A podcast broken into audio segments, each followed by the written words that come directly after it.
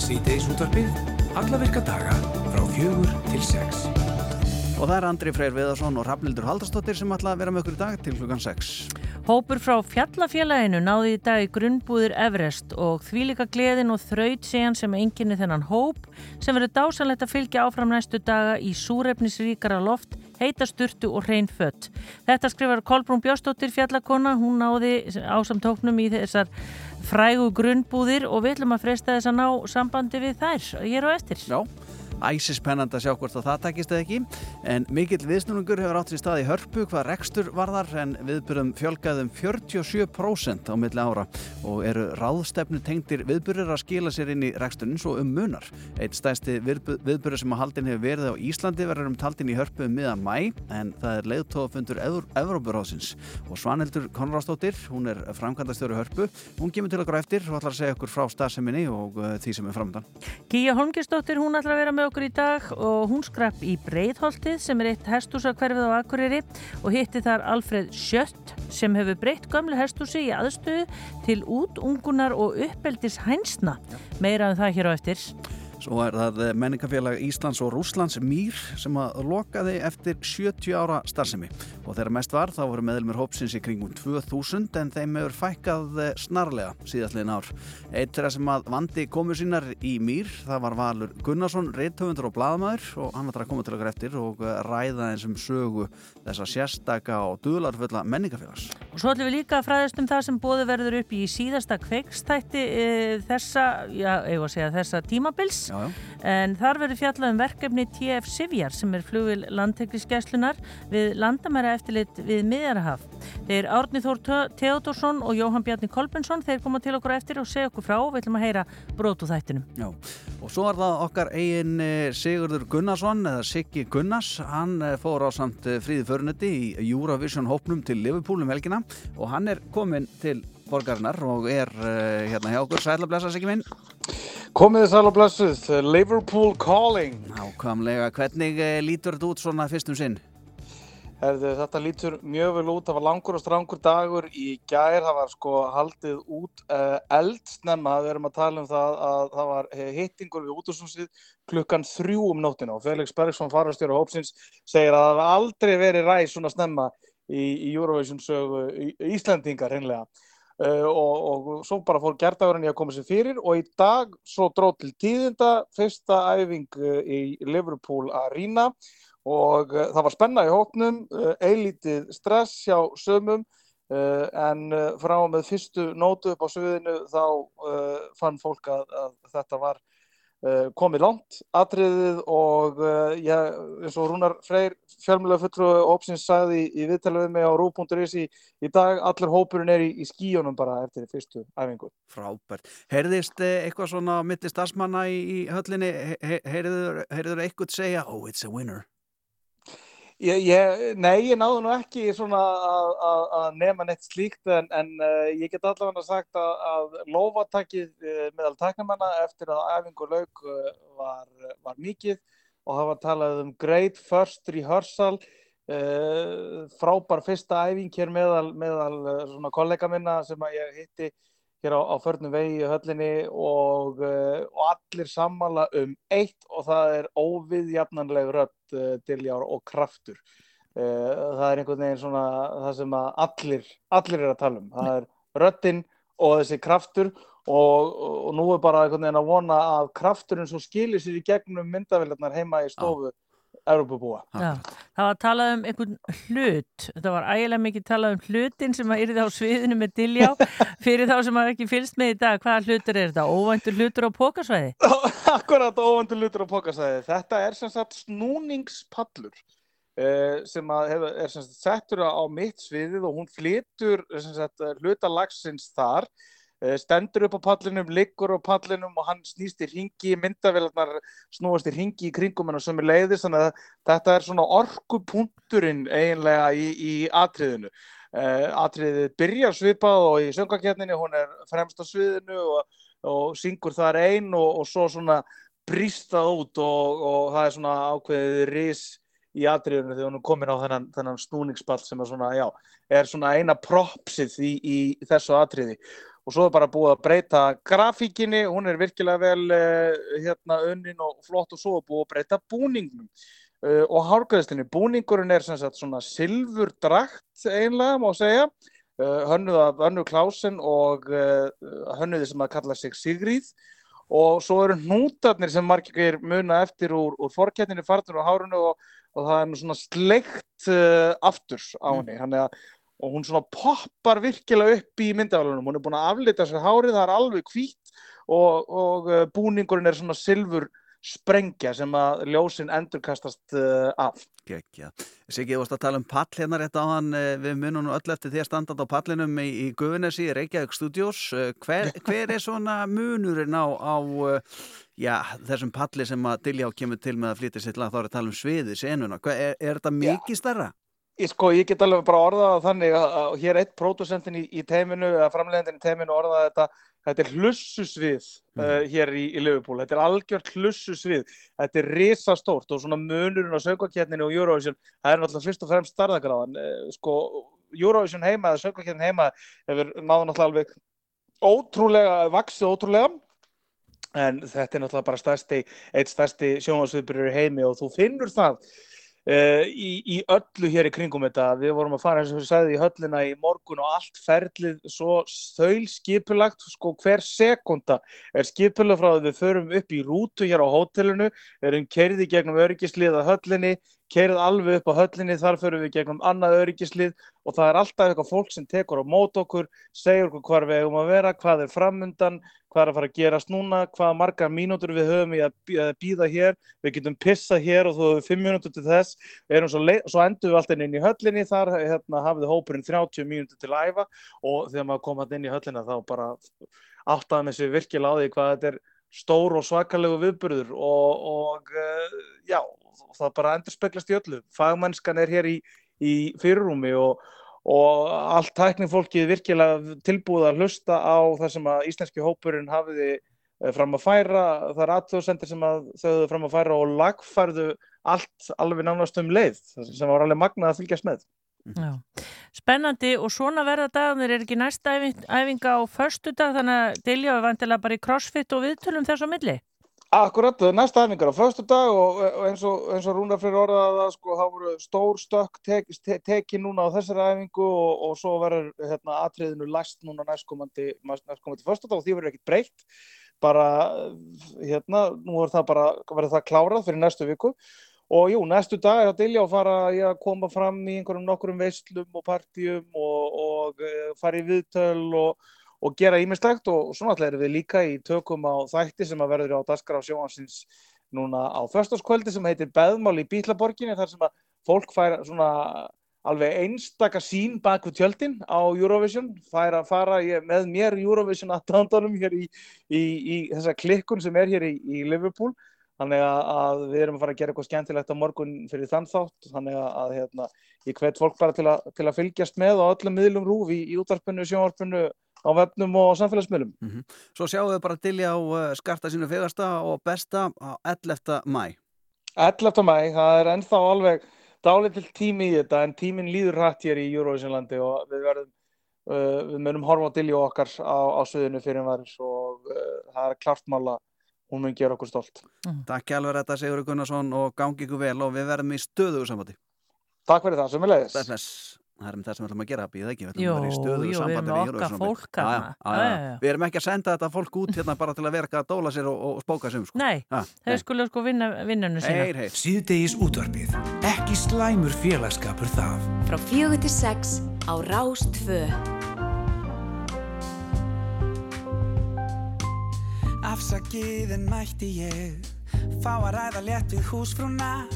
Af almættinu sendur er Hún þarf að komast aðeins út núna. Hún þarf að dilla dilla bara dansa smá. Tætt og trill að fá sér smá í tá það má Hú það má Hún fer að verða inn í blóm. Hún er rótföst í inn í skóm. En þó börnin séu sjampa fín Hún var í aðeins til í kampa vín Því hún var eitt sem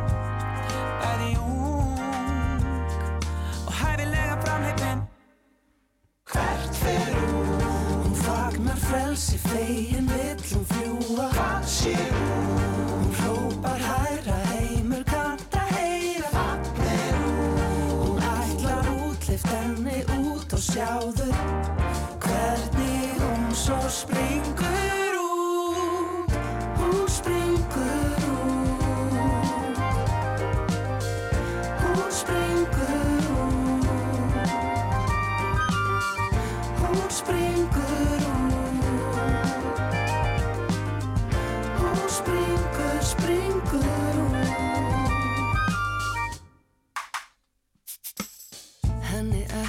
það þvert um geð. Að horfa heiminn út um rúðu gler Sófa setin ángur vær og búin að vera væru kær en núna er það laus. Og orðin sött af endalausri innirödd Hvert fer hún? Hún fagnar frelsi fegin vill hún fljúa Hvað sé hún? Hún hrópar hæra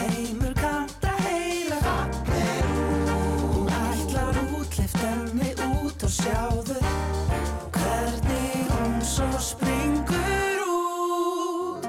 Afsækiði mætti ég Fá að reyða létt við húsfrúna. Og þarf að komast aðeins út.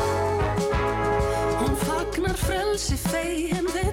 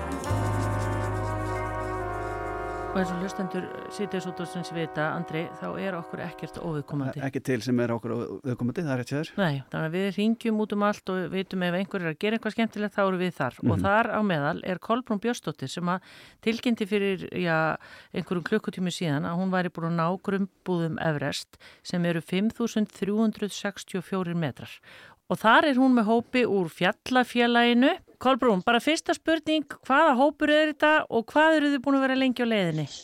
Þetta er hópur á vegum fjallafélagsins. Við erum, sagt, við erum tíu manns hérna úti og uh, við lögðum að stað, lögum út sem sagt lögðaðin fyrir rúmriku síðan.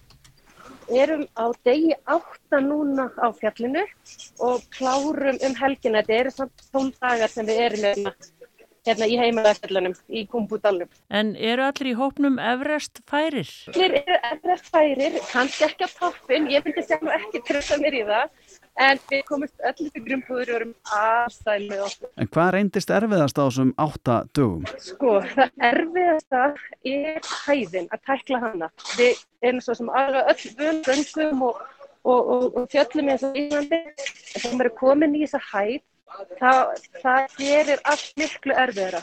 Súðefnið, þessi lofti verður náttúrulega miklu þinna og, hérna, og bara lítil brekka er það heilmikill hindrun þinna, þannig þurfum að lappa mjög hægt, þannig að það er það sem er erfið. En, en það er mjög mjög hvinnar á þessum dögum, þetta verður erfiðast fyrir hvern veginn. Sumir kannski átt mjög erfitt var á degi 2-3 eða einhver sem átt erfitt degi dag. Þetta er bara svo mjög hvinnar þetta svona kikkar inn þessi, þessi mesti erfiðleikar. En, en ég, bara, ég er að ripna og stolta af þessum hópi sem bara skilaði sér allir saman upp í þessa 5364 metra í dag. Það, var, það er í alveg meira en að segja og það er ekki bara það að fólk þurfa að vera einhverju fjallaformi þetta er andlega líka krefjandi og það er hausin þarna sem skiptir alveg ótrúlega umhverju báli og þessi hópur er með hausin. En ákverju nærist þið á þessu ferðarlegi og hvað til dæmis borðuð í dag? Sko, maturinn er ekki alveg eins og heima. Hann er frekar einfaldur hérna í Kumbudalum. Þetta byggist aldrei mikið upp á kolvetnum, bara alltaf að fá orkuna. Svolítið stundum bragðast hann svolítið svipað, en við erum svolítið mikið að borða súpura því að það er mjög mikilvægt að drekka mikið völdva þegar maður er í svona hæð, þannig að súpur gefa okkur þá líka aukinn völdva. Við erum að borða frístrjón, karteflur, mikið eggjum og þess að það.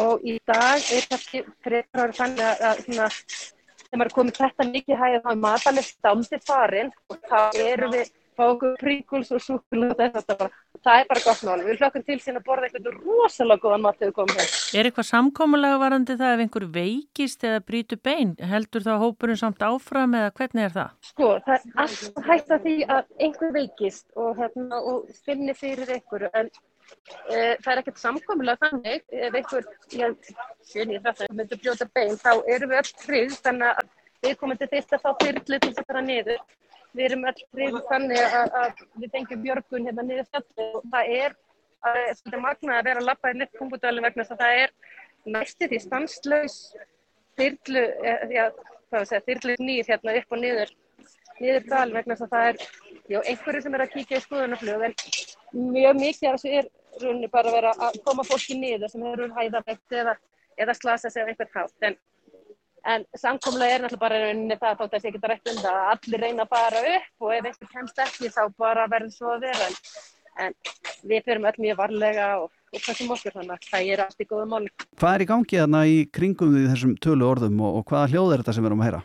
Ég er stött hérna sem sagt í matsalunum uh, í Goraksef hérna í Himalaya Lodge og þetta eru svona efstu búðir hérna nálagt Everest Base Camp. Við erum í ríflega 5.100 metra hæð og þetta er eini staður en sem sagt í húsinu sem eru upphittaður. Þannig að hér eru mjög margir dreyttir hér inni eftir göngu dagsins og eru hérna inn í hlíunni en það er svona aðeins kaldara hérna herbyggjónum hérna sem við sofum síðan á. Og hvað tekur svo við hjá okkur núna?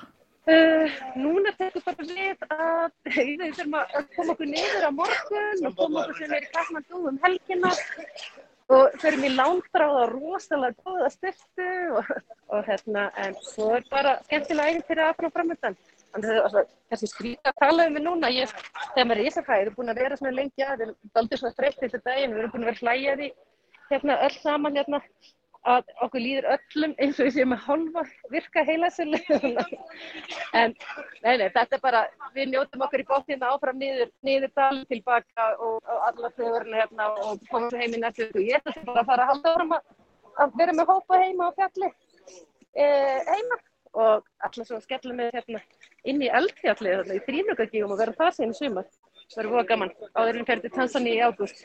Þannig að Já, ég, ég verð semst bara í útvistvöldunum næstu mánu held ég. En rétt í lokin, hvernig er veðrið hjá þér í þessum tölu orðum svona og, og lítur í kringu þig? Veðrið núna er, uh, það er kíkja út, það er ekki stokkama núna, frekar kallt og ég er lítið og ég sé ótrúlega signaleg fjallin hérna í kring. Þetta er náttúrulega magnað að vera hérna, vitandi það bara að mér er í bara hæsta fjallgæri heim, semilega fjallgærunum. Og þar með er opnaði sambandi við ja. Kolbrúnu Björstóttur sem er eins og aðsæði í 5.364 metra hæð. Þetta hefði ekki verið hægt fyrir einhverjum áru nei, síðan. Nei, nei, nei, nei, en svona er þetta. Já, en það er þetta að fylgjast með þessum hópi. Það er fjallafélagið eða Everest Basecamp, þetta er allt saman inn á Instagram og, og svo náttúrulega inn á heimasíðinu eða Facebook síðan en að Kolbrúnar. En við óskum bara þessum hópi til hamingi með þetta. Sjálfsög.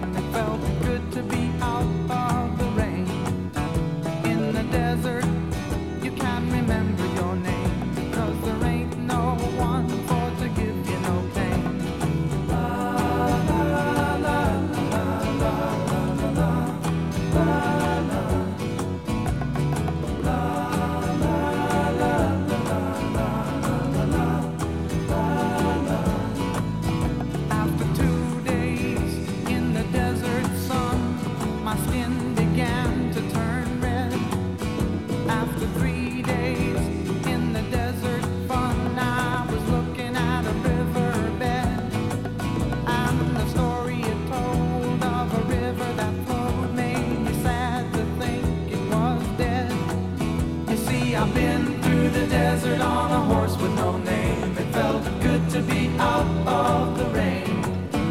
In the desert, you can't remember your name. Cause there ain't no one for to give you no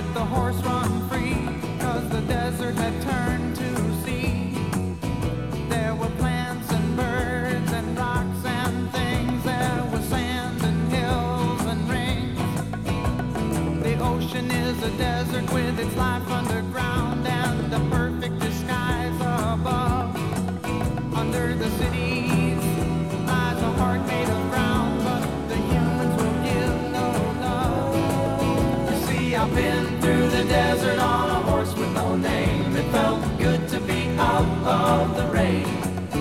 In the desert, you can't remember your name, cause there ain't no one for to give you no pain.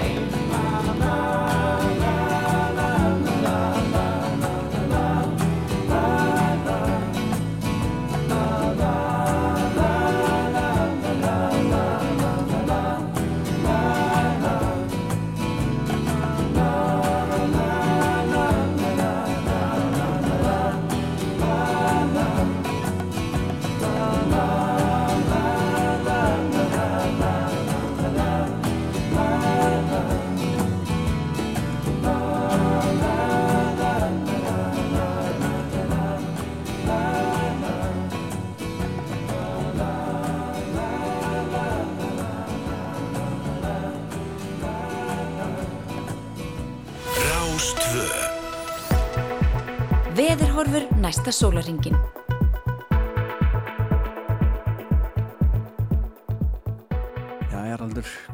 Hvað segir spáinni? Já, hún heldur að það er kannski að spyrja um veðrið um vestlurmanhelgina. Nei, ekki alveg strax, það stýttist ég að ég var að spyrja um það. Já, en það er komið fullt inn á lúsmið síðuna. Kíkum kannski Ég hana er eftir. búin að vera að skoða hana líka. Já. Það er svona fólk sem að tekkir ekki beint lúsmiði, sko. Nei, En, en það er alls konar útbrót og svona sem er að hjá fólk. já, ég skal kíkja þess að þetta með hann og ferja. Já, herðu, en spáin já, þetta er svona, bara- við getum nú ekki kvartaði veðrunu hér þú varst bara með, þú varst bara sólbrútn eftir daginn. Já, Ha, það er bara harrið til þér. og lágu nokkri pókar í valnum. Já, já, já, fjórir, fjórir Ah, stútfullir. Öss, dugnaðurinn. Austan 3-8 metrar á sekund í kvöld, dál til væta sunnan og vestanlands, hiti 1-8 stig, vægt frost á norðar og austurlandi í nótt. Svo eru allvíða bjartveður á morgun, austan strekkingur og skíða næst, næri suðuströndinni og hiti á bylunu 3-10 stig. Og ég sá einhverja færslu frá einari svempisunni á bliku.is að það hitin er að hækka. Já, Hann lofar því. já, já, Já, hann já, er já. að því, hann er að því. Eh, viltu fá lúsmiðið það? Já. Já, það er hérna, í fyrsta geti sem, sem ég sé svona nafnlösa fæslu hérna á lúsmi á Íslandi síðanni og hún er uh, nýleg og uh, þarna er einstaklingur sem að býr í laugadalum í Reykjavík sem hefur hingað til ekki eh, orðið vör við lúsmi í því hverfi eh, eða annars staðar í borginni en í gær þá vaknaði þessi einstaklingur alveg út úr bitin sko, út bitin heima á sér og, og, hérna, og það var í april sko, þetta er svona í, í lok april sem þessi fæsla er sett hann Já, og uh, bara reynst ekkert á blikuna og hérna, og það er margir sem að vilja meina að þetta gæti verið flóabit gæti verið, já. Það, það er eiginlega að vita munin alveg. já þetta er svipuð svona einkenni myndi ég halda sko, Já. en það er margir að benda á það þetta sé flóabit, en það er hörku umræðið hérna undir uh, þessari fæslu hérna, náttúrulega og uh, það er bara um að Við erum ekki að lega því sko, Nei. við erum með flóabit. Nei. nei, við erum bara að hlæja því að, að uh, við séum með nóg að fjallum hérna í allt sumar Já, og það er byrjað, Það svo góðsum tíð Eh, Gúrka þekkist ekki síðan þessu törpunni þegar svona, svona, sko, svona síður eru á, á, á, alnetinu. En mér langar svona uh, fara í nokkra staðrendir tengdar deginum framtur annar mæ. annar mæ og það er nú ímestlegt sem hefur gerst á þessum degi. Og uh, það er á meðal það að 1919 þá voru það 20 ljósmaður sem að stofnuði Ljósmaðrafélag Íslands. Og var það fyrsta starfsfélag uh, faglarara kvenna hér á landi. Og vel að segja ekki það. Og svo var það já, 1957 á þessum degi þar sem að tvær nýjar millilanda flugvilar, Rímfaxi og Gullfaxi komið til landsins Varst þetta þeim? E, já, ég bara nöfnin og svona, ég man ekki mikið eftir þeim svona, Nei.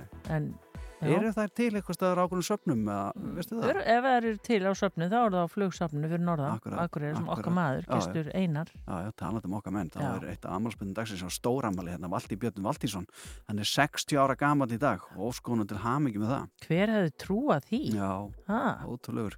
Uh, svo er það sama með Garðar Kortes, hann er reyndar ekki 60 en hann fæðist þessum degra 1974. já, Svo er það Sigrún Rólstóttir, myndlistakona sem gerði garðin fræðan með eh, gjörningaklubnum.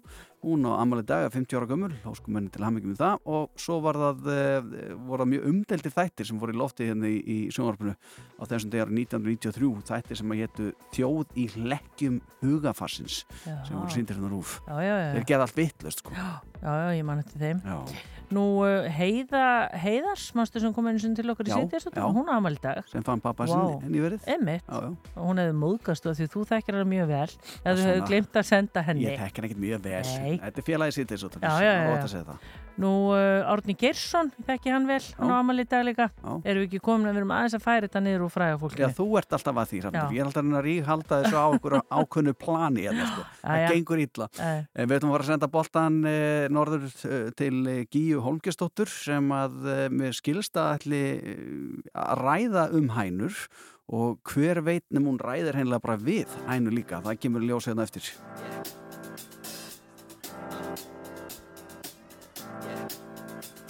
This feeling inside my bones.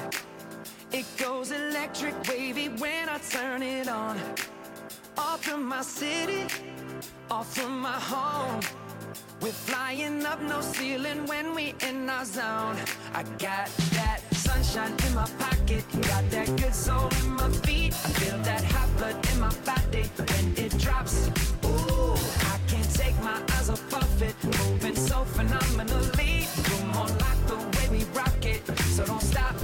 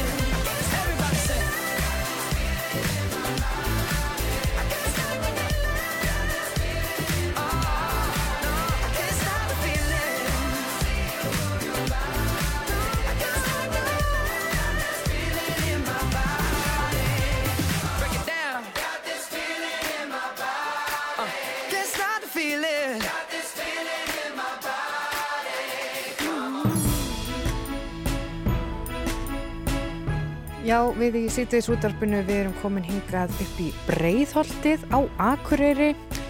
Við erum ekki í Breiðholtinu fyrir sunnan, nei, við erum hérna í Breiðholtinu á Akureyri og hvað er það? Það er gamla hestúsakverfið hér á Akureyri.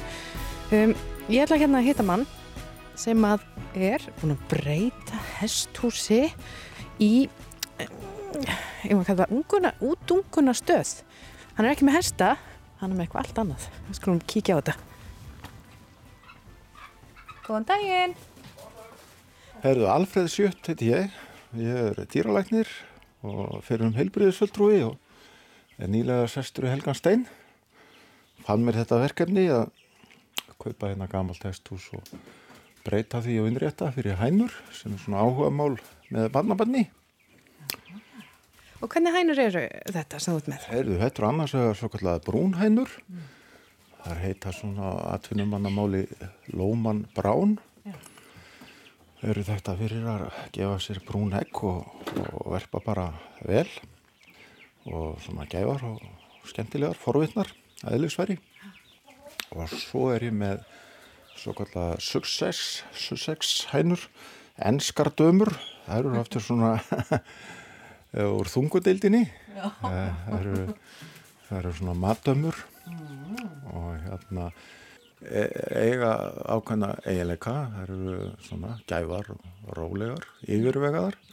Það er þess að ennsku eða ekki? Það er þess að ennsku sem eru stórar og þungar Já.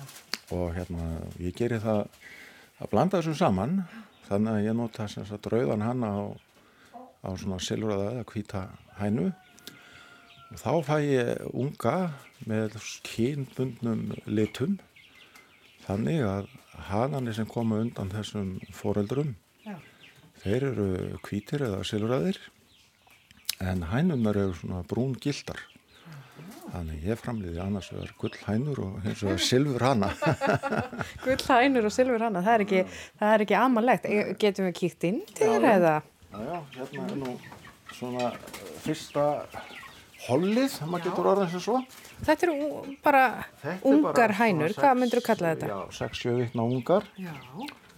og það leynir sér ekki, það er auðvelt að kyngreina. Já, það er annars vegar hvítar eða silvuritar og svo bara rauðar. Já, mm. og þessar uh, gildu eða rauðu, rauðbrúnu, það eru semst hænunar og hannan er silvuraður og það hægt að kyngreina þetta strax á fyrsta sólaring sem auðveldar manni óskaplega leikin því að annars þarf að býða all lengi þá til maður sér hvort að ungin er hani eða hæna að sjálfsögur þetta kalla til sérfræðing sem mm. kemur gætnan erlendis frá og það er hansi kostnarsamt og eiginlega volnust fyrir svona litla smástar sem ég að kalla til sérfræðing til þess að kynngreina nokkru unga þannig að það er óraunhæft. En Alfred, ég sá að þú varst eh, og ert búin að vera að auglýsa þessi, þessa unga um, já, leita að, að nýjum heimilu fyrir þau? Já, þetta er nú ekkert mikil framleysla en ég get ekki fyllt úr síðuna en uh, hugsunum með þessu var að, að vera með smástarsemið í fólkna í því að, að selja sko áhuga fólki hænur sem bakarshænst í þjertbíli og með því að þessar hænur eru svona rólegar og forvittnar að eðlisverið þá verða þetta gerna svona hálfgerð gæludýr? Já, maður sér að það er koma svolítið til manns uh, kannski ekki eins og íslensku. Eru íslensku aðeins styggari þá eða? Það er þá til að sko ítölsku blóði í íslensku hænunum Já, gæt verið. Það eru svona það eru svolítið uh, skap, skapmiklar sko. Já. en uh, reyndar er bara heilmikið breytileiki í íslensku hænunu og allt gott um hann að segja sko. En það er ekki alveg að vísa hann að róa með eiginleikana. Mm. og það er flögra og eru léttar, léttbyggðar og flögra gætman í næsta garð og, eða og, þakk eða út í umfyrir að götu það hendar svona síður í þéttbíli mm.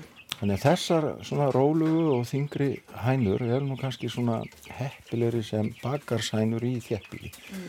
og þetta er svona markaður sem hefur kannski ekkert verið seitt svo mikið sko að reyna að finna hænur sem að henda í þéttbíli Ertu svona áhuga samur um dýr og dýrahald? Þú ert nú dýraleknisæður, ertu kannski úr sveit og ertu já, með þannig bakgrunn? Ég er svona sveitapiltur og, og hérna uh, var við svona hefðbundin búskap sem unglingur og framan af og hérna þekki mig vel í sveitinni og hef alltaf haft gaman að skepnum og ég var svona hænsna hyrðir sem krakki sko í sveitinni.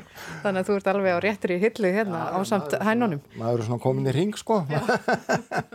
En hvað, svona, hvað, hvað þarf það að koma oft hingað upp í hænsna hestúsið þitt? Já, sko, meðan á þessu unga stúsi stendur þá er ég að koma til sára sólaring og jafnvel oftar ef það er að koma ungar og ekkjum og, og svo framveginn sko. En, en fyrir utan unga tíman þá er alveg nóg að líta við einu sinni á dag En hvernig er með áhugan? Eh, Eru allir búin að finna sér heimili af þessum ungum? Ég, langflestir og hérna og það eru margir sem að, svona, eru að bygglista skoðamálið og sumir eru þeirri stöðu að eiga eftir að smíða sér kofan og, og undirbúa Já. og hérna þannig ég var svo sem vonaði að, að, að þessi ungar fari allir þetta er engin óskaplega framlegsla ég er ekkert með margar hænur En þetta er nú ykkur 15 ungar hérna. Já, já, ég, sko, ég held ég eigi 26 uh, hænur Já. unga í dag í augnablikinu. Og eftir fimm daga þá fæ ég vonandi einhvern slatti viðbót og svo kollakolli ég er með tvær, já þrjár eiginlega, eina gamla og tvær nýjar útungunavélar Og er munur á gamallega og nýri útungunarvélar? það er svona, já, það er ákveð munur. Eh, gamla vélinn er reyndar ný en ég kalla hana gamlu vélina þess að það er gömul tækni þar þarf maður svona að stilla hittast í manúvel með skrújátni og, og, og það er engin rakastiksmælir og ekkinn snúast ekki sjálfkrafa. En í nýju vélunum þar er sjálfurkur rakamælir og maður stillir rakan eftir, eftir nema. Og hérna og sína snýr hún eggjunum á tvekki tíma fresti sjálfvirt.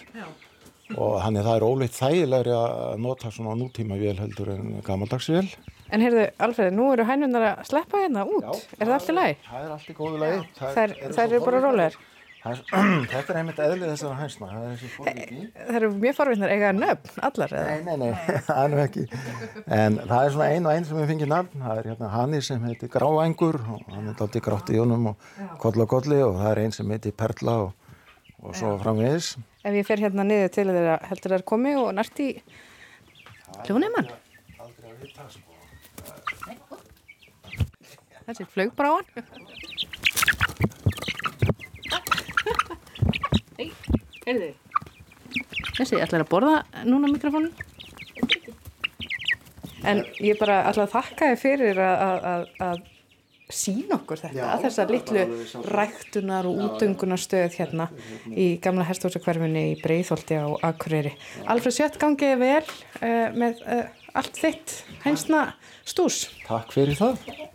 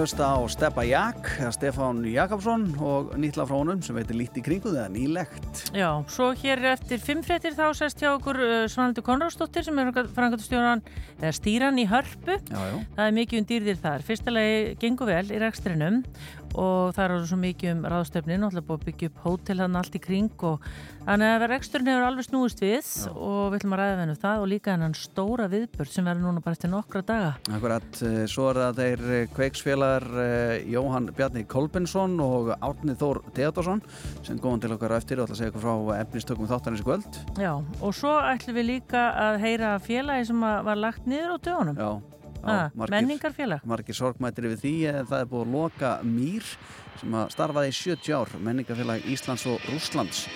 Og uh, Valur uh, Gunnarsson hann uh, var eitt þeirra sem að stundaði komið sinni hérna í þetta menningafélag og hann ætlar að segja okkur aðeins frá stemningunni sem var í mýr. Það var þarna bíósýningar og það ýmislegt var alls konar það var alls konar. Já. en svo var hún Kolbrún Björnsdóttir að segja frá þyrlugniði hérna við grunnbúður Everest sem að þau heyrðu bara allan daginn þannig þyrla hérna þessu lagi. Þetta er hljóðastinn Oasis og lagi Morning Glory. Er þetta gítakar? Já, já, líka, þyrla líka sko. Já, hlusta vel. Stóra fréttir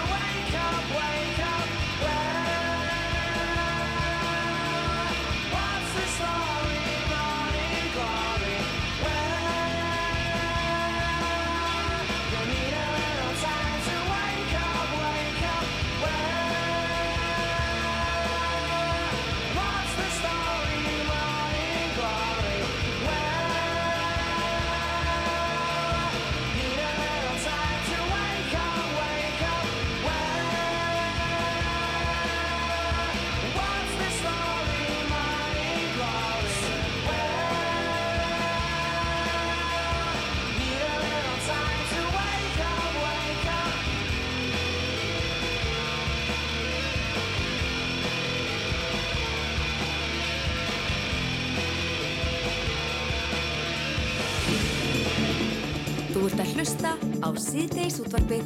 Á Rástvöð Það bárust fréttir af því á, eftir ársfund uh, Hörpu, okkar tónlistar og menningarhús sem Okkar allir þekkja. Já, Já, já. að það er algjör viðsnúningur átt sér stað og uh, viðburðum fjölgað um 47% á milli ára sem að við viljum nú meina sé ansi mikið. Já, já. Hingaði komin Svanaldur Konarsdóttir, Frankaldstöru Hörpu, velkomin. Er það ekki titillinn annars? Jú, jú, Jú, ég er fórstjóri, það Það er. Já. Þetta, þetta kemur í samasta niður. Já, já, já. En það lítur að hafa verið gaman á þessum ársfundi. Já, þetta var mjög góður aðalfundur, uh, bæði vegna þess að við vorum með mitt eins og segir að kynna uh, bara gjörbyltingu og breytingu frá fyrra ári, þetta vorum við þarna í fyrra í tvo mánuði enn í COVID og svona áhrifarna gætti að semst, fyrir ekki árið þaraður, við erum, að, við erum að tala um það, 21, samanbúr við 22, þar vorum við allt öðrum stað, fyrra voru enn tveir mánuðir í COVID og, en svo fór bara allt á fljúandi ferð. Þannig að, að fjöldi viðbyrðaði fyrra var svona nánast sá sami eins og í venju, síðasta venjulega árinu sem var 2019 eða tæplega 1300 viðbyrður, rúmlega 1200 viðbyrður. Þannig að þetta er, þetta er gríðarlega mikið umfang og það var eiginlega bara svona flóðbylgja í mars sem að jafnvel sótti nú frekar í sig verið eða, eða aflið eftir því sem leiða árið. Já. Og eru það ráðstefnunar sem að eru að, gera eitthvað svona gott? Já, það voru, sko, um, það var mjög mikið uppsafnað og til dæmis var árið fyrir óvenjulegt að þýleitunum til að við vorum bara með alþjóðlega ráðstefni sko fram eftir öllu sumri. Yfirleitt svona skiptir alveg um takt hjá okkur, kannski svona 20. júni, þá verður svona, kemur svona ferðamannatími í húsinu og, og lítið um, um þannig laga viðbyrði, bæði svo svona tónleika hald en ekki sísta ráðstefni hald. Það var allt öðruvísi fyrra.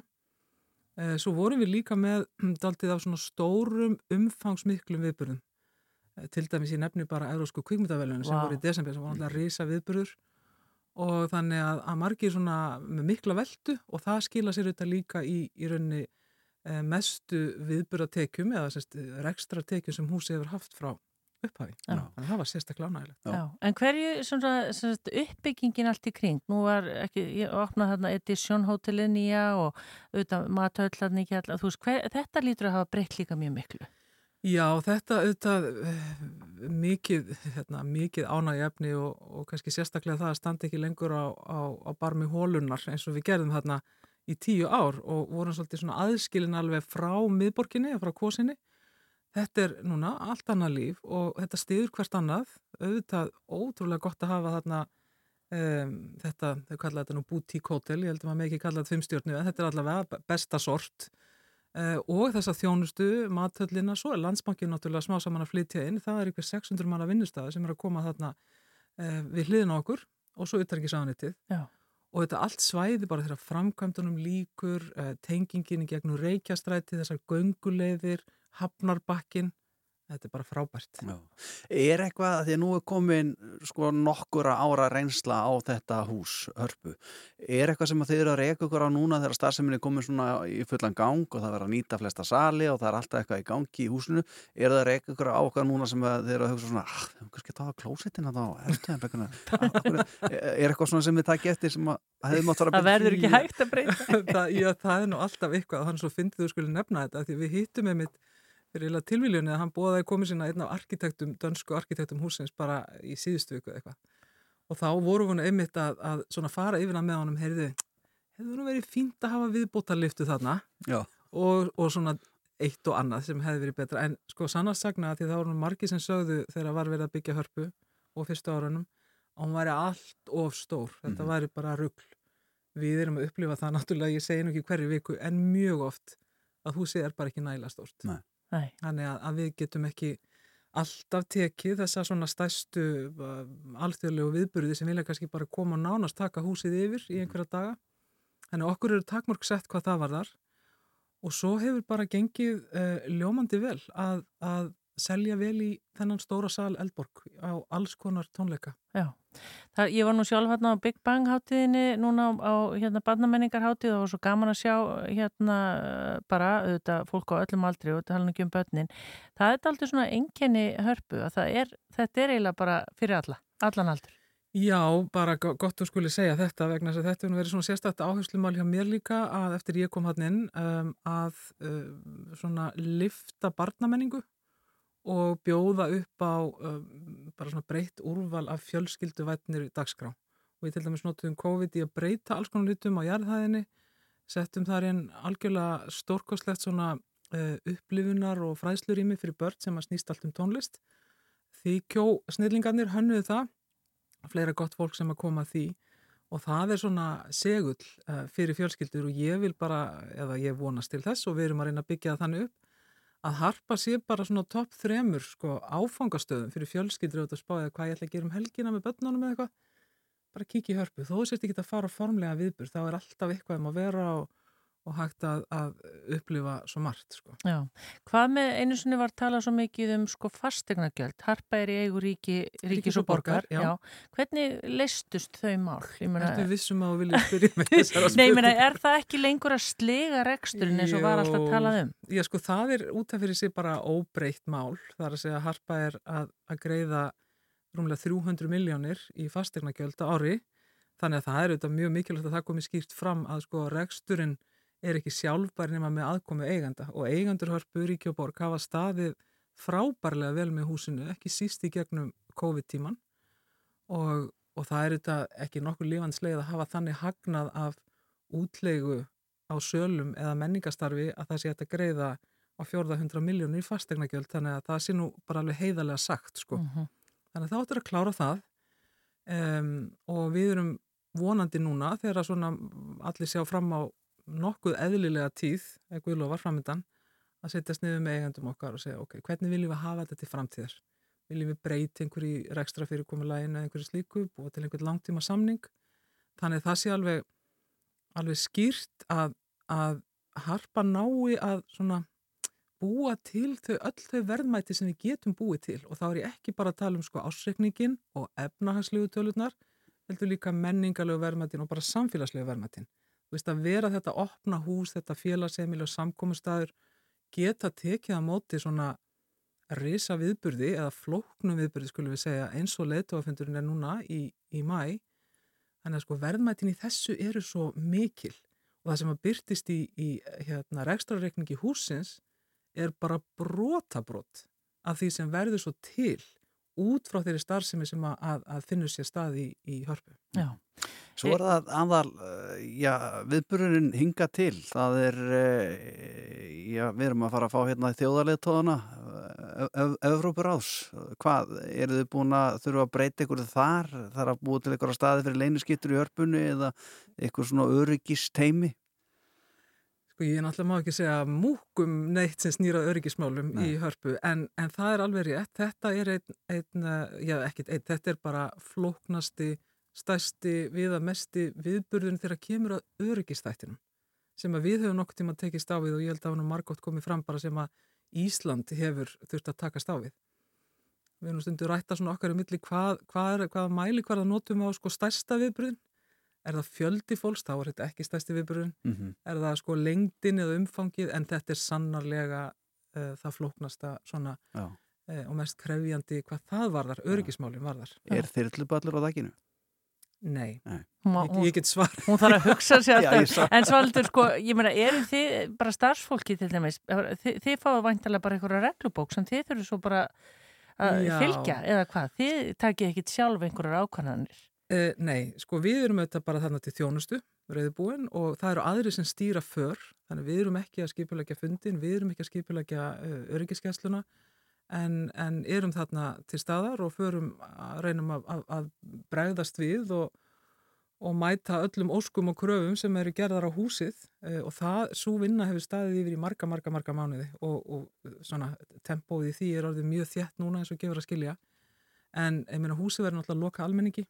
Já, hvað er þetta margir dagar? Eh, Það sést verður lokað alveg frá sunnudegi klukkan 6 og alveg þar til fundinum líkur, hún er líkur þarna klukkan 6 eða húsið verður aftur opnað mögulega á miðgudegi aftur klukkan 6 Já. og það verður þetta eins og held ég almenningu veit núna, það verður mikið rask allt í kringum húsið og mjög mikið að takmar, takmarkuðu aðgengi á miklu stærra svæði, það verður svona eitthvað no-fly zone sko, allt í kringum hörpu, hægt er að orða það þannig. Já, en hlýtur að vera spennandi samt að fá svona áskorun algjörlega frábært að fá svona áskorun og við auðvitað munum gera allt sem í okkar valdi stendur til þess að þessi fundur verði okkur öllum til mikil sóma.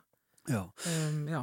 Þú baðst okkur um að spyrja það ekki mikið út í prósendur og svona, en, en ef myndir skjóta, ef myndir skjóta, hversu, sko, hversu margra prósendu aukning hefur verið á tölvupóstum til þín út af þessum viðbyrðu heldur en það var bara á sama tíma á síðast ári?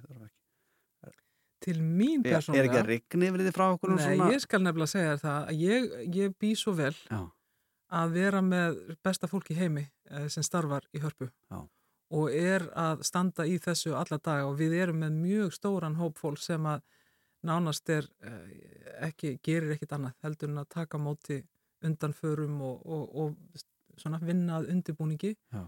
Þannig að þau sjáum þetta allt saman Já. og ef það er eitthvað álitamál eða þarf að stíga eitthvað niður fæti í einhverju þá er ég látið vita en að öðru leiti þá hérna, eru þau algjörlega að keira þetta með, með glæsi brag. Hvað eru margir sem vinna venjulega í hörpu? Sko við erum með, þetta er svona svolítið hérna, uh, sambland, við erum með sagt, fast fólk, svo erum við með sem eru 45 manns, hvað þar um bil, svo erum við með, með uh, stóran hóp af, af svona framlínu fólki, þjónustufulltrónum okkar og það er á, á sjönda tug. Um, svo þetta er harpa miklu stærri vinnustæður en þetta þess að við erum með mjög mikið af, af verktökum sem er að koma í alls konar kerslu í viðburðunum um, af því að þetta er svona svolítið eins og harmonika ég finna að sumir dagar eru rólegir þó að flestir dagar séu mjög það sé mjög mikið anríki að þá, þá erum við að keira viðburðina mjög mikið með verktökum og svo þetta er harpa vinnustæður Sinfóniljónstar Íslands sem er meirinn hundra manna vinnustæður og íslensku óperunar og rekstraraðilana og svo framvegis. Svo heldur, loka spurning, hvar er skrifstofðin? Ég var oft hugsað að þú þarf ekki að segja það nákvæmlega. En maður er einhvern veginn, þetta er byggt þannig að maður áttar sig ekki á því. Hún, hún er í, á norðaustur hortni hörpu. Mm, akkurat, segir okkur ekki neitt. Ekki neitt. Ég, get, ég, ég horfi á esjuna og ég þakka fyrir það á hverjum degi. Það er nú mikil blessun að hafa þetta dásanlega útsýni. Já. Svanhildur Konradsdóttir, takk fyrir komuna í síðdeisóttabið og gangið vel með komandi verkefni. Takk fyrir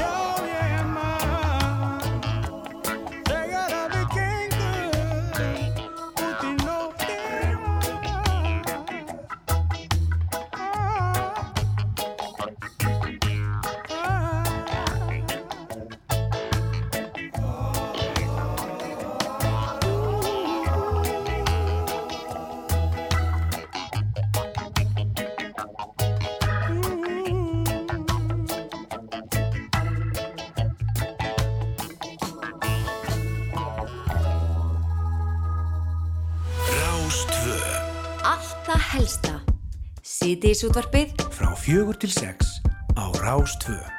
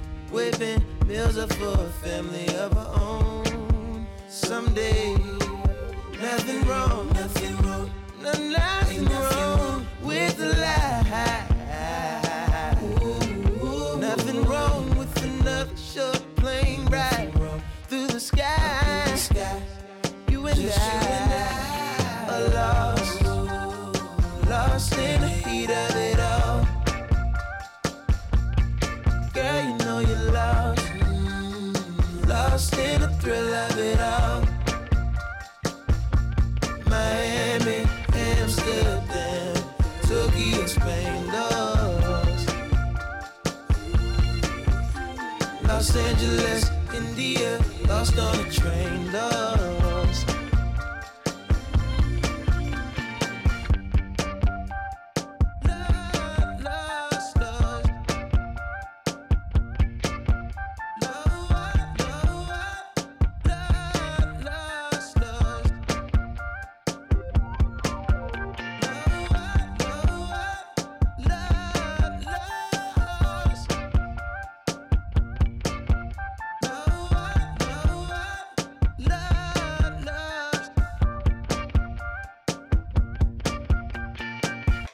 Og eins og vennilega á þriðutugum þá uh, fjöllum við aðeins um það sem að bóður upp á í kveikstætti kvöldsins sem að, að þessu sinni er síðasti kveikstátturinn á þessu tímabili og hingaður komnir uh, Jóhann Bjarni Kolbensson, fréttamaður og Árni Þór Teodorsson sem að sér um myndgerðina. Velkomnir. Takk fyrir.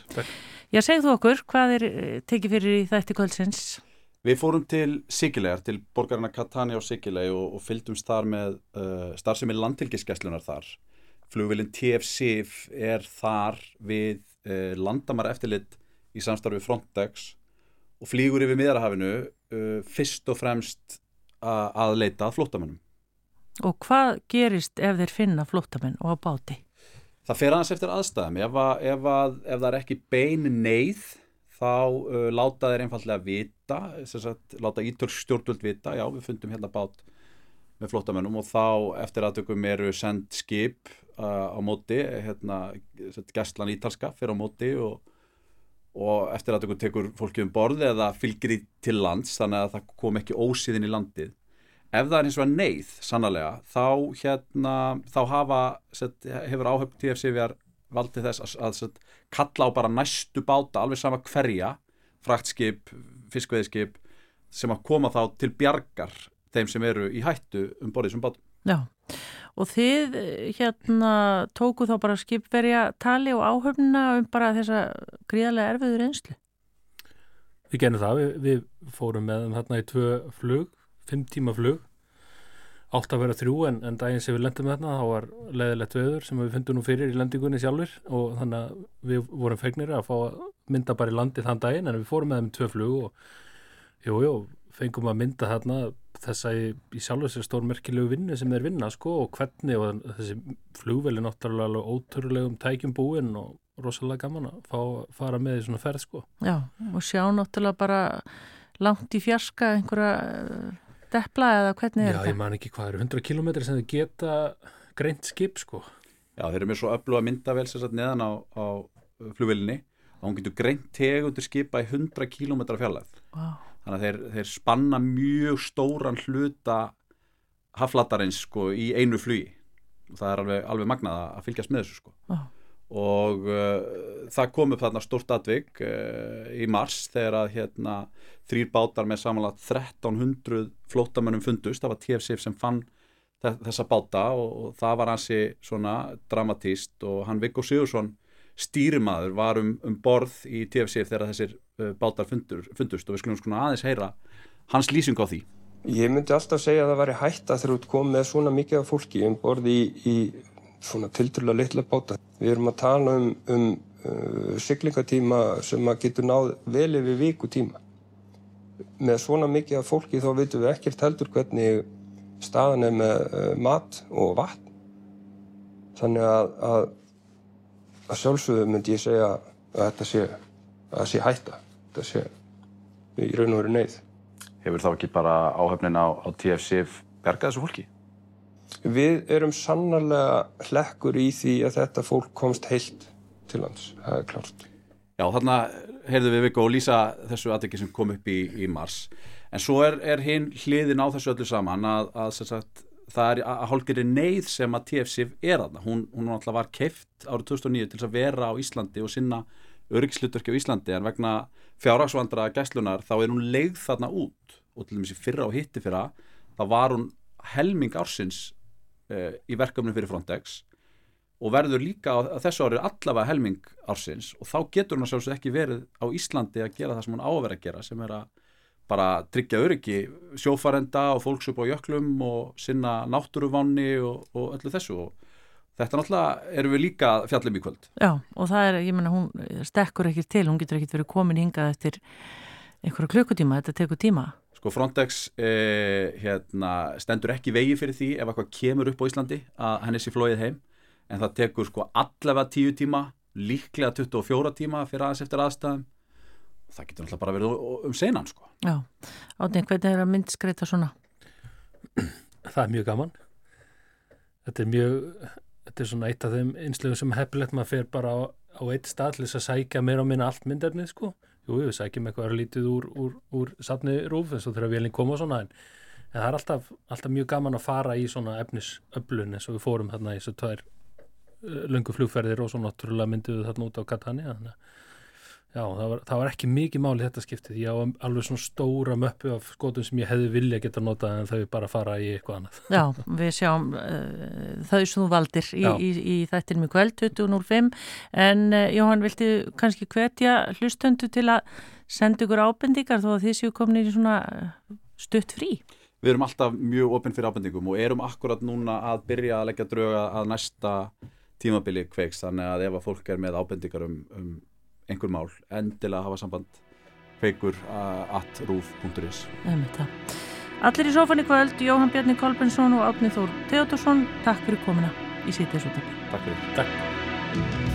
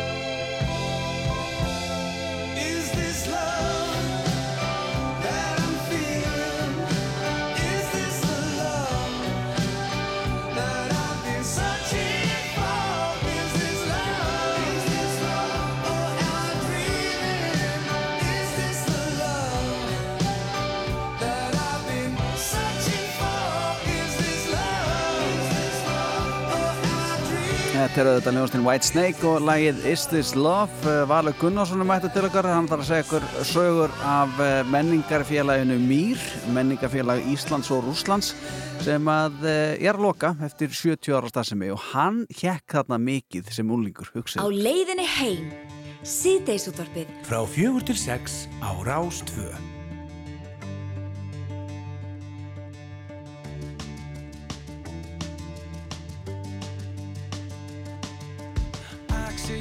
close.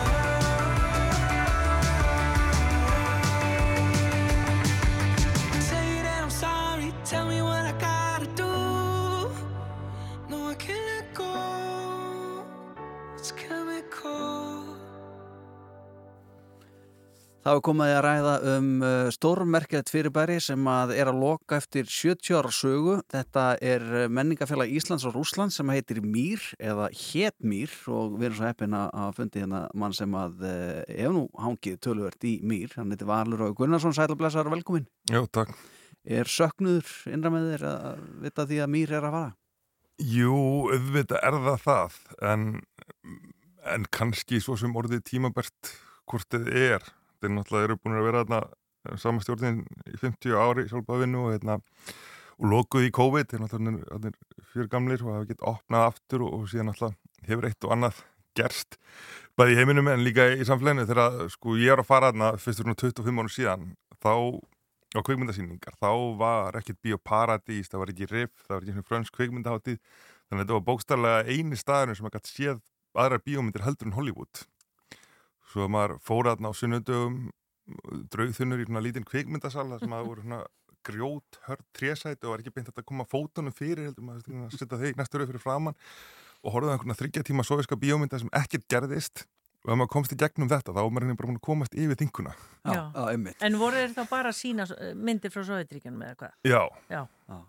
það var, já, þegar, þetta var, þetta var alveg alveg kveikmyndasalur með, með filmu og, og þeir síndu soviska bíómyndirinn á hverjum sundegi allan veiturinn og, og það var bara alls konar, það var ekki bara þessar svona stóru Eisenstein og Tarkovski, þessar stóru soviska bíómyndir heldur bara svona alls konar hluti sér áttur og svona mikið af svona hasamyndum og setja heimstyrjöld og eitthvað sem var ekki endilega betri heldur en bandarísku hasamyndinar en samt öðruvísi sko. Mm. þannig að Þetta er, sko, ég ekkert í hann inn í mér einmitt á, á, á svona kvipmynd og ég fekk eitthvað tilfinninguna að ég væri bara alls ekki velkomin að þinni, sko. Hvernig var þín upplifun hann inn í mér? Nei, ég held að það hefur nú örugglega verið svona jamt, jamt fyrir alla sko Ég held að ég hef gett þér, þér persónulega þetta var kannski svona, svolítið kannski svona sovist andrustátt bara hérna. En nei, nei, þeir voru þekkti fyrir það sko að, að ef að einn maður kom einhvern tímann í blind bíl einhvern sundarsættum í daginn, þá kom bara einn maður og það var samt myndin látið núla sko. Já, já. þannig að, að þeir voru kannski ekki beint að, að kýrsa menna munnin annað en það voru allir velkomna að þetta var sko, þetta var fyrst stopnað 1950 þá náttúrulega var ekkert að gerast í bænum. Nei. Veist, það var ekki einu svona sjónvarp sko og ein útastöð. Og þá var þetta rosalega uppur hópur. Og Haldur Lagsnes fyrsti hérna formaðurinn og Þorbergur Þórðarsson var að formaðurinn náttúrulega ekki engir aukveisar Vá, það hefur verið gaman á stjórnumfundu þar. Já, en þetta er þetta Kristín Andersson sem var svona bóttin á pannan í þessu en, en, en fekk það með sér og hérna það var alveg annars mann sem að voru þáttakendur og þeir voru þannig í samstarfi við Sovjetríkin og fengu senda inn alls konar heimsklassa tónlistamenn og svona Þannig að það voru tónleikahald bara. Já, allan að þeirra vegum þá fengur, ég veit sem ekki alveg hvað, hvað aldrei, líklega ekki á þeim þá, en, en, en þeirra vegum þá fengur senda inn alls konar uh, soviska listamenn og, og svo mjög magnið að bandaríkjamennum fór bara að hætta að lítast á bleikuna, að bara að Íslandi er undilagt sovískri menningu. Já. Þannig að þeir fóru á móti að senda inn, og Haugur Ingvarsson hefði fjallaðum hérna, sendi inn William Faulkner sem að nýbanga Nobelsvöluna hafa á það var svona kaldastriðið sko gaf svo mikið afsýll íslenska menningar það var bara jók menningarlífið í bænum Mhm. og, hérna, og síðan opnuði bandaríkjumenn hérna bandaríska bókasamnið sem var náttúrulega til að ég var ungur og þar var þetta að fá lána sko On the Waterfront og, og Godfather og klassiska bíómyndir þannig þannig að ég, mitt kvikmyndaupildi kemur bara svolítið ásnæði svona síð kaldastrís eða endur um kaldastrýsins þegar Ja. maður fær bæri sovíska bíómyndir í mýr og síðan þessar klassísku bandarísku Já. En síðan alltaf lokaði hérna bandarska bóksamnin eftir að nokkrum árum eftir að kaldast í þínu leik. Hérna. En var þetta bara bundið eins og eh, mér, menna, mestmægnis við kvikmyndir? Eða var Það var þannig meira og meira undir lokin, sko. Þá var þetta, en, en þegar að hérna, þegar allt er í fullum blóma, þá voru þið með, eins og ég, alls konar flýtin, alls konar tónlistumenn og félagi sjálft, sko, líka stóð fyrir ferðum til uh, Sovjetríkjana. Mhm. Þannig að öll 15 rafstjórnaríkin voru heimsótt og, og þetta var vinsalt og hérna uh, og síðan alltaf var alltaf svona síning, var myndir af Sjúkov og svona myndir af hérna heitjum setni heimstýraldra veggjónum alltaf og hérna uh, já, fyrsti mæ var, var stór dagur, verkalýstdagur þá syndir soviskar teiknimyndir Já. fyrir svona börnin og þá var alltaf mikið um, um að vera en síðan þessi stjórn sem að reyndar var starfandi bara náttúrulega til núna hún er sem að kom á 1974 held ég hún uh, ég held að það er náttúrulega urðu eldri og eldri náttúrulega og, og, og fóruð held ég meira bara svona takmaks yfir kumundasýningar Mhm. Þannig að Mýr hefur raun og veru gert miklu meira fyrir Ísland og íslenska menningu heldur en að okkur rafnildi grunar. Já, kannski aðeins öðru vísi Já, já, já, já. En- þetta smá. Já, Já. en já, það, ég, ég veit ekki hversu ja, að að af þessum tólestamönnum sem komu hversu margir er þekktir í dag en, en, en allan á, á sjötta áratugnum þá gerði mér líklega meira fyrir íska menningu heldur en hérna Já, já. Það var svona gullallta tími Mýr þá. Já, Já. sem að, og síðan sko þegar það ráðist inn í, þegar svo mér réðist inn í tjekk og þá hérna svona uh, þótti svolítið minna fínt að mæta þarna á Já. sama tíma náttúrulega það var, var meira frambókast af öðrum, öðrum hlutum Já, Valur, það er nú bara fyrst þú ert komin inga, ertu hérna, fylgistu vel með eh, hérna stríðinu eða innrásinni hérna í Ukrænu eða hvernig fylgistu með í fjölmjölum og svona? Jú, jú, ég uh, fylgist þetta með uh, bara bæði því sem kemur fram í fjölmjölum almennt og, síðan í uh, ukrainskum fjölmjölum eins og Kyiv Post og, og Kyiv Independent og síðan hérna maður sem heitir Dennis Davítov sem er atvinnulegs flugmaður af því að hann náttúrulega er ekki flóið lengur civiljan flug yfir hérna uh, Ukraínu, hann, hann er með daglega YouTube-brás sem hann segir frá hérna. Bara því sem er að gerast hvernig degi. Já. ég, ég rakstu hún út á götu í Kív síðasta sumar hérna, og, og stoppaði hann og, og við fórum að fengum okkur kaffi þannig að hérna, Já, þannig að hann er með svona update eða bara svona það Já. það var degið dags að því að núna alltaf er því miður þetta stríð orðið bara svona fastur partur af tilverni þannig að það þú veist, þykir alltaf fréttnæmt lengur í einhverjum, einhverjum skilningi að því og kannski eðlilega en hann alltaf er ennþá í fullum gangi náttúrulega hérna. já. Og er eitthvað nýtt sem að hann uh, vil meina þarna að sé í gangi að vera býðist til herrgögnum eins og kom fram í morgun við til hann Óskar? Já, það, það er náttúrulega meina það er ennþá barist í bakmút og, og, og, er konum með mesta lundaborgarinn eftir marga mánuði. Það er bara hérna verið að býða eftir að, að vorsóknin hefjist sem náttúrulega engin veit hvar eða hvenar en, en það partur af, af leiknum að hérna að engin viti það og, en verður mjög líklega þessum mánuði og, hérna, og þá sjáum við hvernig fer hvort að það verði hérna Ég, það var náttúrulega stór tíðindi en hvort að það dýja til þess að einhvern veginn hérna, knýja fram endalóka strísi sem náttúrulega vonar. Já.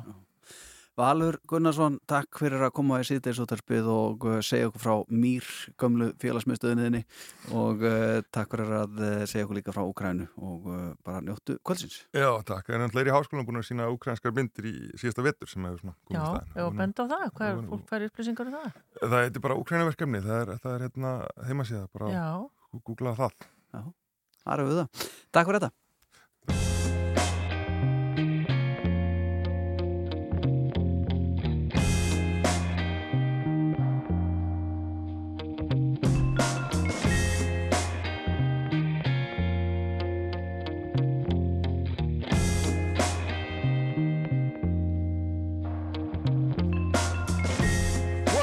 Day love couldn't be found?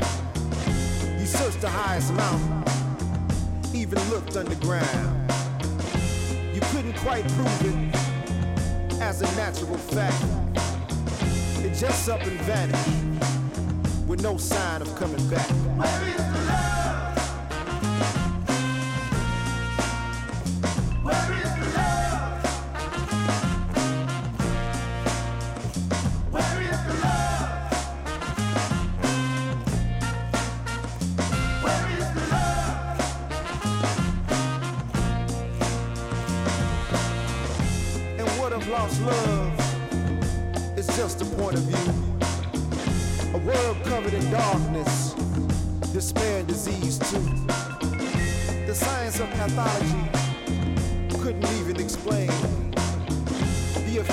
Our bodies, the feeling of disdain, an insatiable hunger, no one or nothing could feel, a deep bottomless hole, a real raw deal.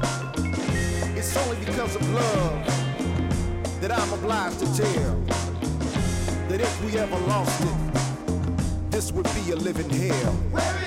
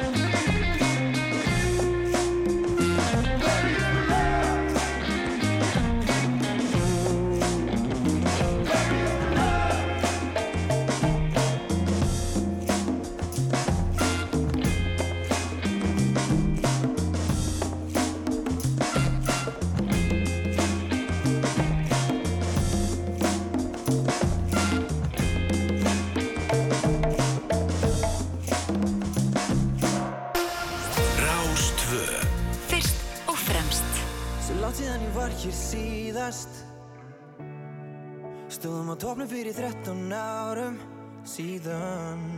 Nú hef ég gengið gegnum tvenna tíma.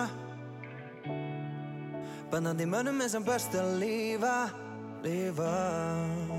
Ég hugsa um mystikinn, sambundinn, vinni sem að undirlættu Maðurinn sem ég var, reyndist vera rángri stefnu. En í dag, hjartalag, mitt er en það sam og síðast. Strákur sem að vildi skín en þurfti bara lengri tíma. Ég sé, ég sé heiminn nú, frá fleiri sjónarhornum Ég sé, mínu speilmynd, er loksins orðin stoltur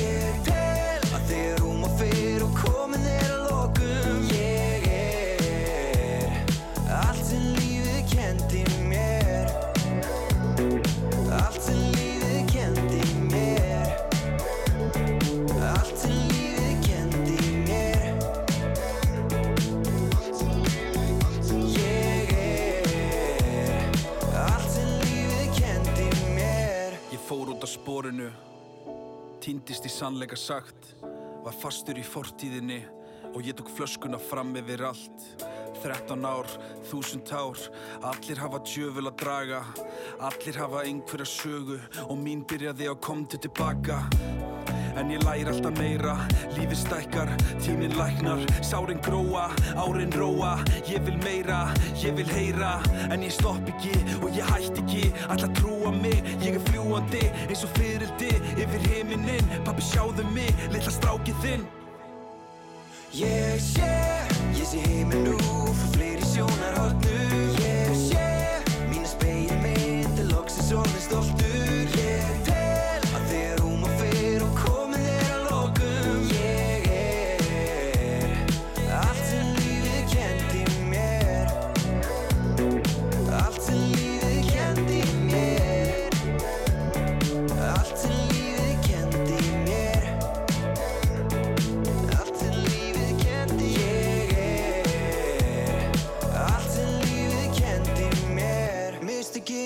Sambundinn Vinni sem að undirlendu Maðurinn sem ég var Reyndist vera rángri stefnu. En í dag, hjartalag Mitt er en það sam og síðast. Strákur sem að vildi skín En þurfti bara lengri tíma. Þurfti lengri tíma Ég sé, ég sé heiminn nú Frá fleiri sjónarhornum Ég sé, mínu speilmynd er loksins orðin stoltur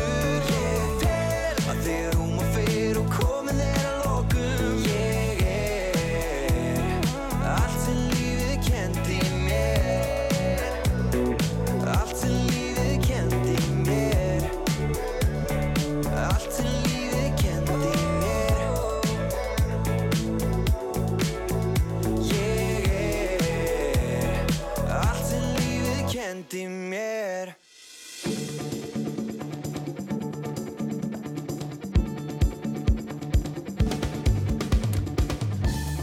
Ég hef verið að velta fyrir mér einu hérna síðan bara við vorum að uh, ræða hérna um hörpuna Mm.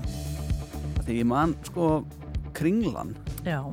það fór að, að spretta upp út á landi svona litli kjarnar sem hétu veist, kleinan Hvað heitir aftur að reyða fyrir? Mólið? það er, það er, eh, það er mólin Það er mólin, já. maður hefur eitt kleinuna líka já.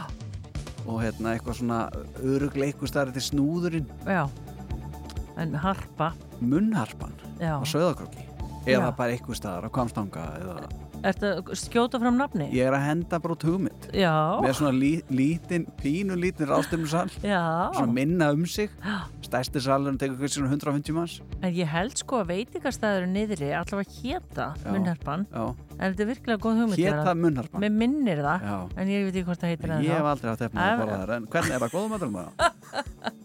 En þú kastar þessu hérna fram. Já, ég ger það, hygglust Herðu, en þú er ekki farið út á hérna, trilluna þinni í morgun að veiða í svoðið Nei, átti að gera það í morgun? Það voru sko 500 útgerði smábóta sem að fengu leifi til Öss. strandveiða.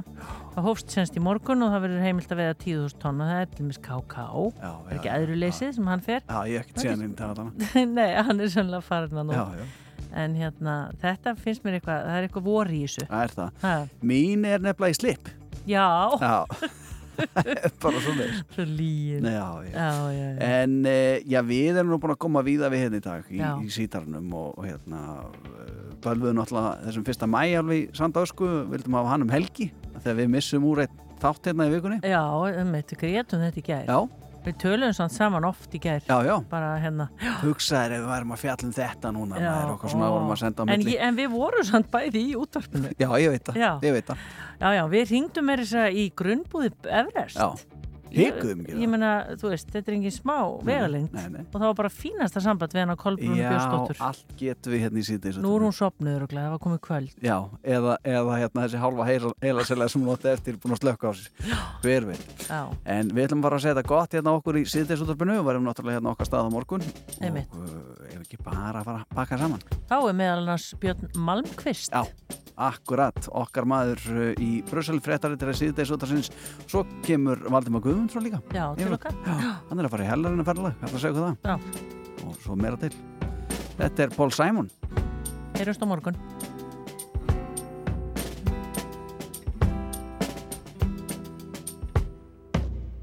Problem is all inside your head, she said to me. The answer is easy if you take it logically. I'd like to help you in your struggle to be free. There must be 50 ways to leave your lover. She said it's really not my habit to intrude. Furthermore, I hope my meaning won't be lost or